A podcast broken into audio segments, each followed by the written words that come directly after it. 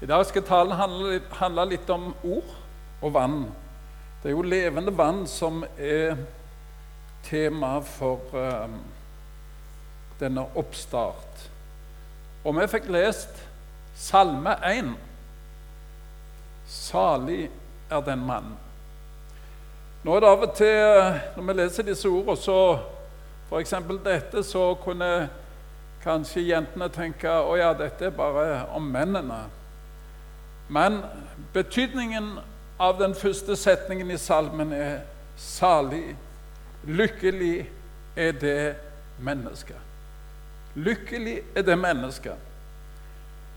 Og um, så var det det hva slags menneske er det som er lykkelig, og som er som et tre, og blir som et tre planta ved rennende bekker.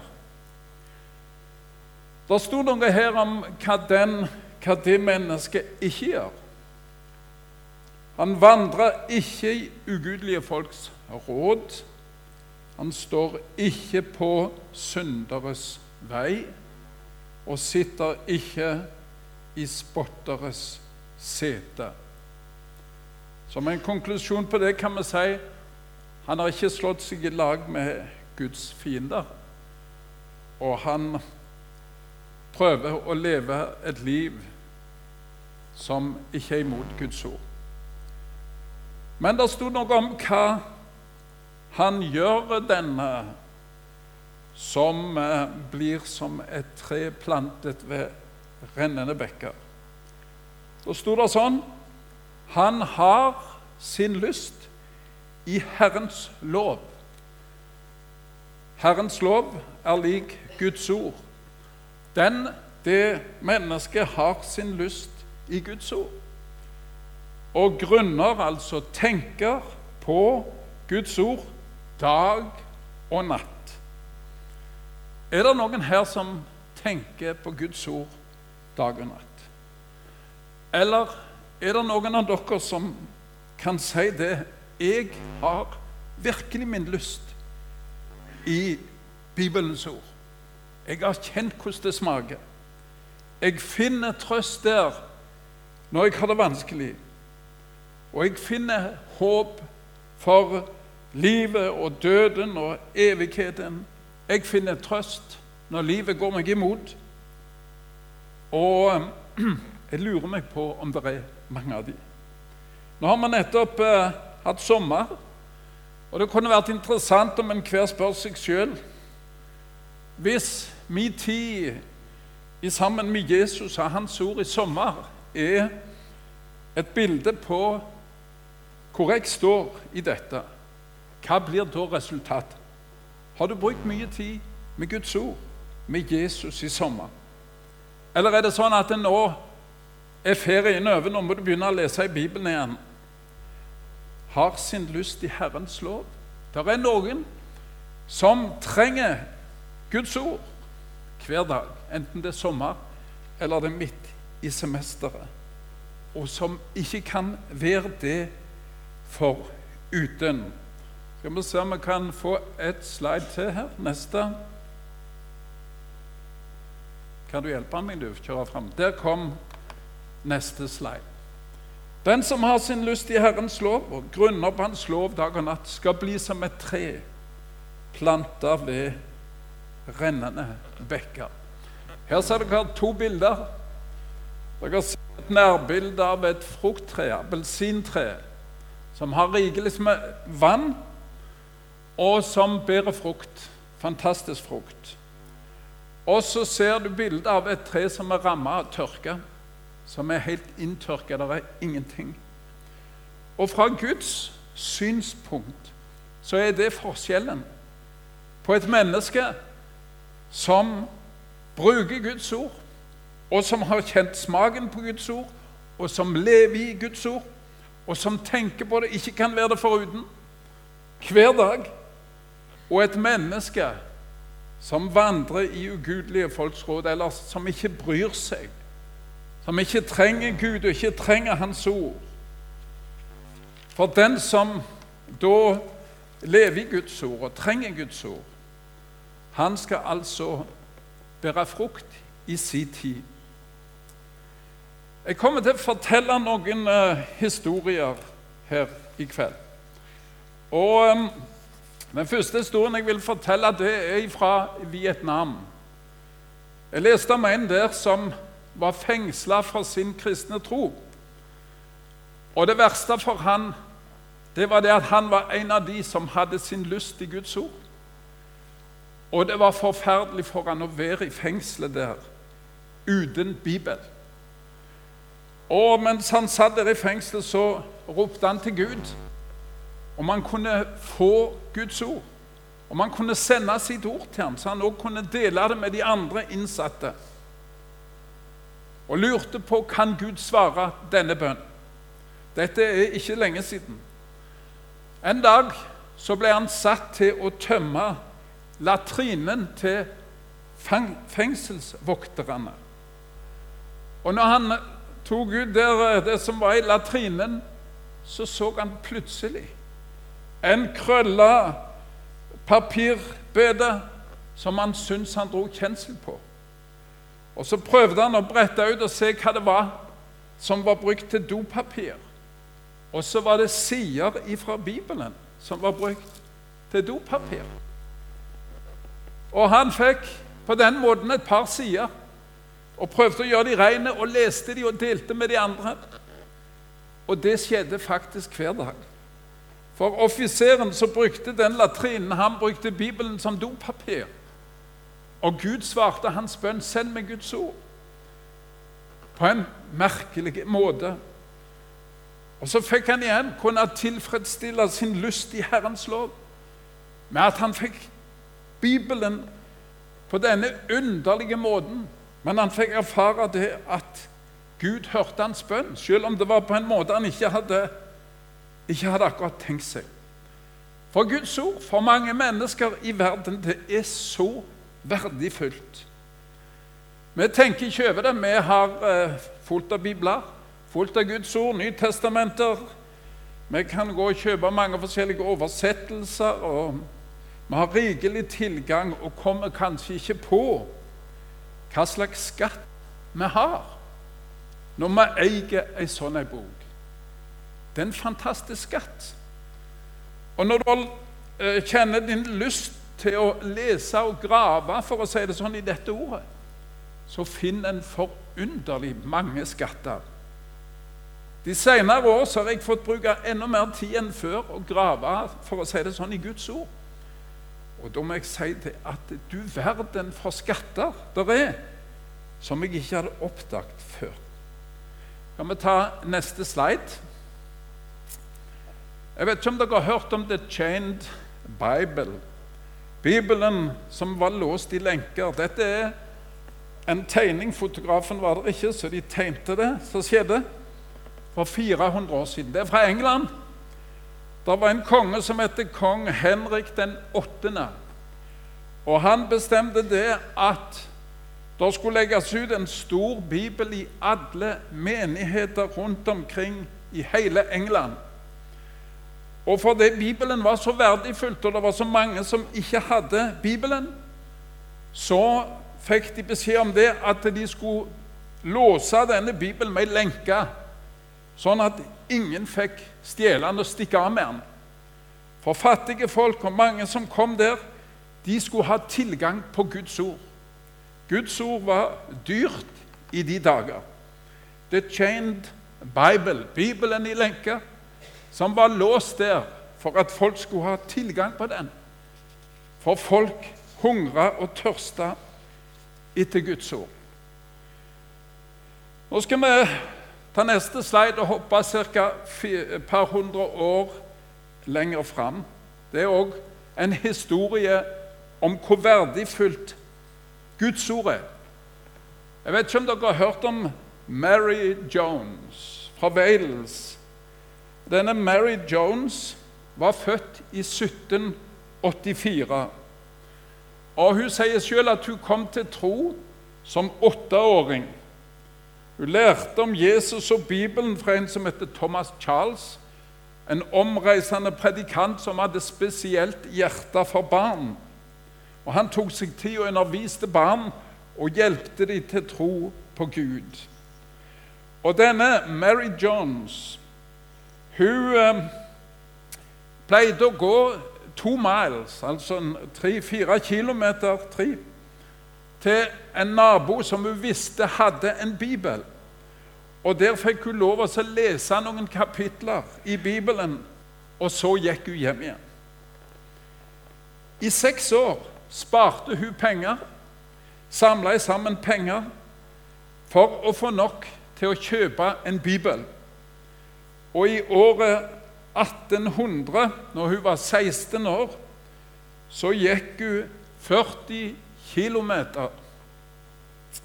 til bookshopen til denne Mr. Charles. For der visste hun der går det an å kjøpe en bibel. Hun samla og sparte penger i seks år. Da hun kom til Charles, Thomas Charles, så sa han at dessverre, alle biblene er solgt ut. Men hun ble helt desperat og ute av seg.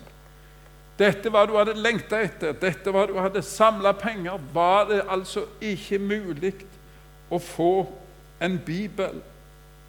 Og denne Charles han ble så rørt av Mary Jones at han ga henne en av de biblene som var lovt til andre.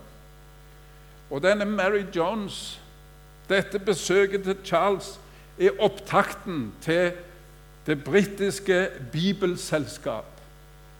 Denne Thomas Charles han fikk denne smerten inn over seg, så hvordan folket og denne jenta lengta etter Guds ord.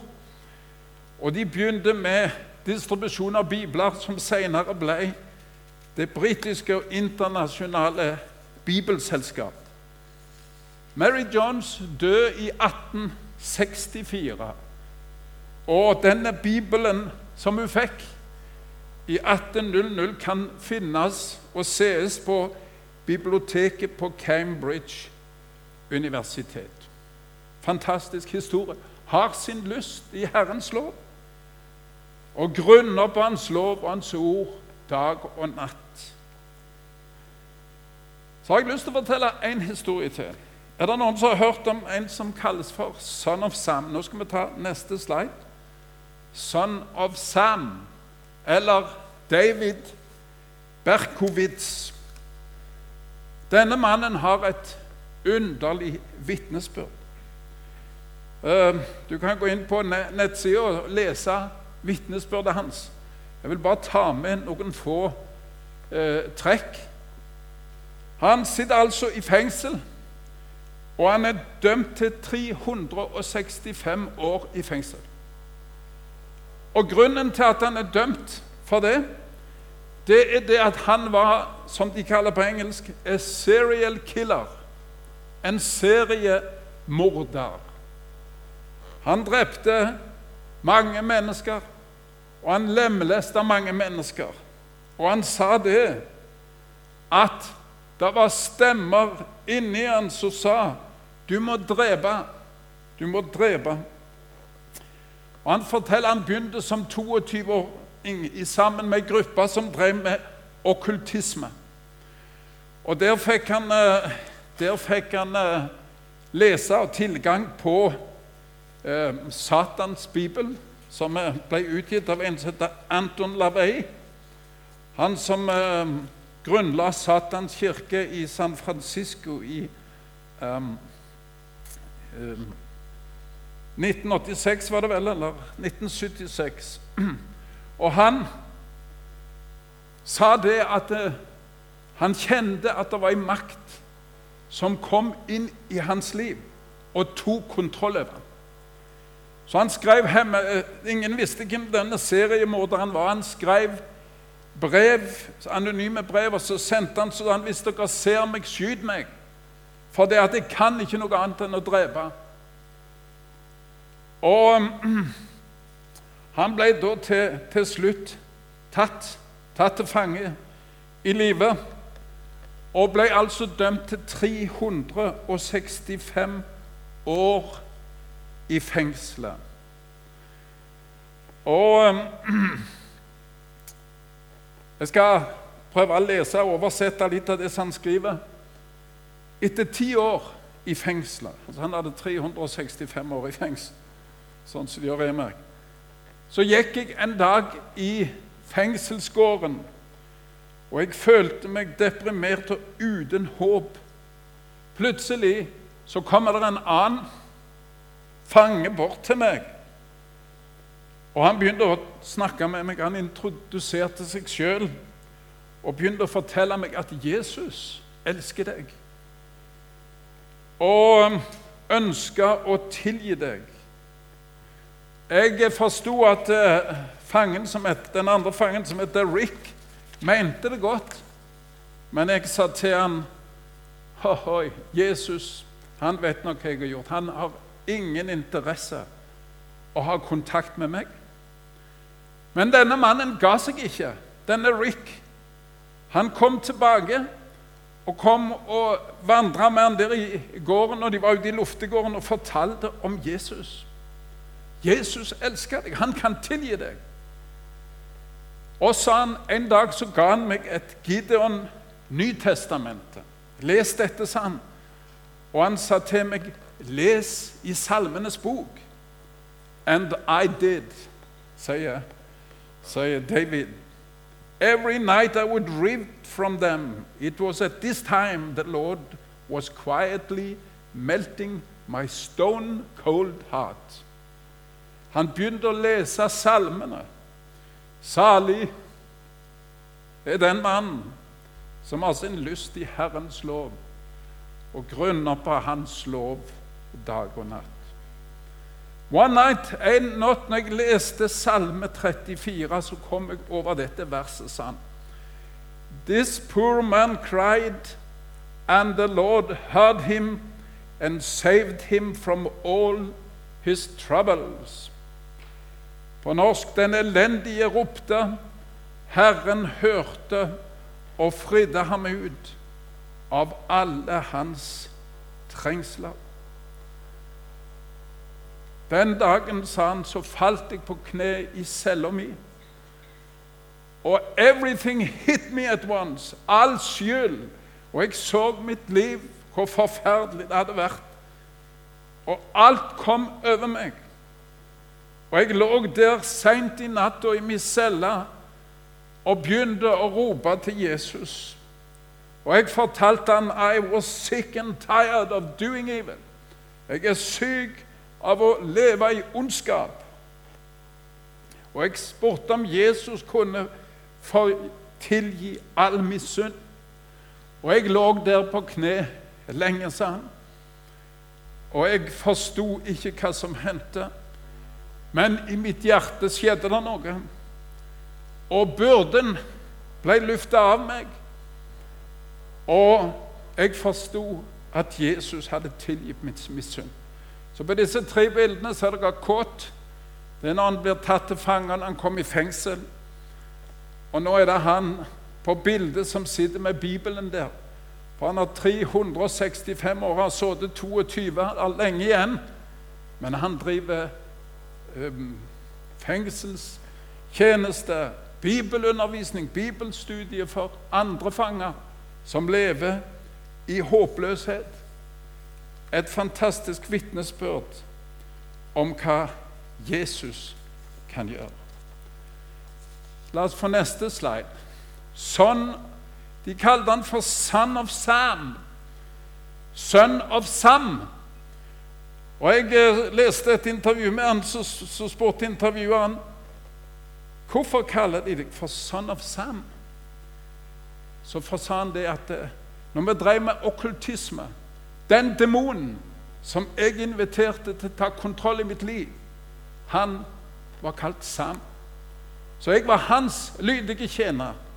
Han ba meg om å drepe. Men når jeg møtte Jesus, så ble Son of Sam forandra til Son of Hope. Håpets sønn. Og nå tjener han Gud i, i fengselet og han har en god stund igjen, 365 år. Kan vi få neste slide? Jeg vet ikke om dere kjenner dette bildet. Denne personen her For å si det sånn, litt sarkastisk han er lykkelig han bor i Norge. Så han er blitt gitt i dag 21 års fengsel. Han har vært, gitt i, vært i Amerika, så hadde han blitt sikkert gitt 400-500 års fengsel. Og vi vet hva denne mannen har gjort. Og vi kan tenke som så Kan Gud tilgi en sånn en mann som dette? Kan Gud tilgi en person sånn som dette her? Som har drept 77 uskyldige mennesker i vårt land. Uskyldige ungdommer på mange av deres alder. Uten nåde. Har Gud tilgivelse for en sånn en person? Når vi leser om Son of Sam, så forstår vi det at han har det. Og hvilke betingelser har Gud for å tilgi Anders Behring Breivik? Hvilke betingelser vil Gud sette for å tilgi Anders Behring Breivik? Han som i dag sa jeg er lei for én ting, at jeg ikke tok livet av flere når dommen falt. Men det er én betingelse for at han skal bli tilgitt, og den hørte vi om i går. Arnt Magne talte om Jesus som sto og ropte ut fra Johannes 7, 38. Den som tror på meg Nei, 37 var det. Om noen tørster, han kommer til meg og drikker. Hva trenger Anders Behring Breivik for å bli tilgitt av Jesus. Han trenger en tørst, en lengsel, og så trenger han å komme til Jesus. For Jesus han kan tilgi alle ting. Så sier du kanskje ja, men han fortjener det jo iallfall ikke. Kan Jesus virkelig tilgi en sånn en person? Fra Guds synspunkt så er det ikke så veldig stor forskjell. Vi har alle synder fattes Guds ære. Men det kreves én ting at vi eier denne tørst til å komme til Jesus og komme til Han i tro og få tilgivelse. Det er det Jesus krever. Neste slide. Så sier Jesus om noen vil komme etter meg, da må han fornekte seg selv, ta sitt kors opp og følge meg. For den som vil berge sitt liv, skal miste det. Men den som mister sitt liv for min skyld, skal finne det. Hvordan kan det forenes med det som sto i Salme 1, at alt han gjør, skal han ha lykke til? Er det noe som ikke stemmer her? Men vi husker på at vi ser ting fra Guds vinkel. Og når vi ser ting fra Guds vinkel, så lykkes alt. Det som lykkes, det er det som bringer et menneske nærmere Jesus, og det som hjelper et menneske når det skal gå herifra og få ei frelst sjel og få evig liv hos Gud. Vil noen komme etter meg, må han fornekte seg selv og ta sitt kors opp. Vi lever i en idolalder, ikke sant? Og det viktigste for mange av oss er kanskje hvordan ser mine venner på meg? Hvordan ser jeg ut? Blant mine venner. Er jeg populær? Blir jeg beundra? Det som mine venner syns om meg, det er altså det aller viktigste for mange. Det vet vi veldig godt. Og så sier Jesus, 'Den som vil følge etter meg, han må fornekte seg sjøl.' Det motsatte av idol. Mennesket utgjør en veldig dårlig idol av Gud. Mennesket tar seg veldig dårlig ut som til å bli tilbedt. Se på disse fra Hollywood. Kan ta Michael Jackson, Whitney Houston. Hvordan går det med dem når tilbedelsen synker, det slutter, det, og brusen legger seg? Og Da er de blitt så vant med denne brusen og denne beruselsen at de må ha drugs. De må ha narkotika for å holde oppe samme rusen og samme brusen. Mennesket gjør seg veldig dårlig som idol, idol. Mennesket er skapt til å leve med Jesus og fornekte seg sjøl. Og tro på Han og følge Han Å leve for andre og tjene andre, der er livets glede og tilfredsstillelse. Neste slide, takk. Jeg vet ikke om dere kjenner denne personen her. har lest om han, Winston Churchill. Han kom til makta i England, eller tok over, i begynnelsen av krigen. Når Europa tapte for Tyskland, og han overtok som statsminister, og han talte til sitt folk over BBC, og han sa I have nothing else to offer but blood, toil, tears and sweat. Uncompromising to the victory. Han var, ville inngå ut, ingen kompromiss, unntatt full overgivelse. Jeg har ingenting annet å tilby enn blod, strev, svette og tårer. Og Jesus sier, 'Den som vil følge etter meg, må fornekte seg sjøl.' Jeg har ingenting annet å tilby enn kamp imot det onde. Neste slide. Dette gjelder oss, håper jeg. Jeg lurer meg på, hvis du svarer, svarer innerst i ditt hjerte Her står det 'alle som vil leve gudfryktig i Kristus Jesus, skal bli forfulgt'. Alle som vil leve gudfryktig. Det gjelder ikke bare i eh, Egypt og Syria, Iran. Det gjelder ikke bare i Kina. Det gjelder også i Norge og rundt der som du er. Den som vil leve med Jesus og leve i sannheten, skal før eller senere bli forfulgt på en eller annen måte. De fleste av oss har vært sparte, sikkert for det, det verste. Men det er det Jesus sier. Jeg har I have nothing else to tilby. Alle som vil leve gudfrykt i Kristus Jesus, skal bli forfulgt. All out war. Full krig. Det er det han tilbyr oss. Det er det han inviterer oss, for vi har ikke kamp mot kjøtt og blod, men mot makten og myndighetene, verdens herskere i dette mørket, mot ondskapens ånde her i himmelrommet. Samtidig som en bærer frukt. Samtidig som en bærer frukt som vare. Samtidig som en bærer frukt for Guds rike, som et tre som er planta ved rennende bekker. For den som lever i sannhet, han bærer frukt. For det er Guds ånd som eh, bringer den frukt gjennom vedkommendes liv. Det handler om Guds ord. Neste slide. Efeserne 6 sier Ta til alle som vil leve gudfryktig, alle som vil ha sin lyst i Guds ord, alle som vil drikke livets vann. Ta frelsens hjelm og åndens sverd. Andre uttrykk for Guds ord. Frelsens hjelm og åndens sverd, det er Guds ord. Dette ordet er både vann og brød, sverd og hjelm. Det dekker hele registeret, og det dekker hele Guds rustning for å stå seg imot den onde på den onde dag. Et slide igjen. Guds ord, den som grunner på Hans lov og grunner på Hans ord dag og natt. Der er en person i Bibelen som er ett med Guds ord, som kalles Guds ord. Og Hvis du leser i Åpenbaringen 1917, så leser du om en som kommer på en hvit hest.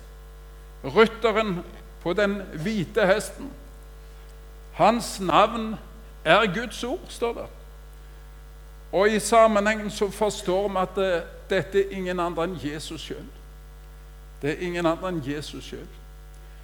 For Jesus han er ett med sitt ord.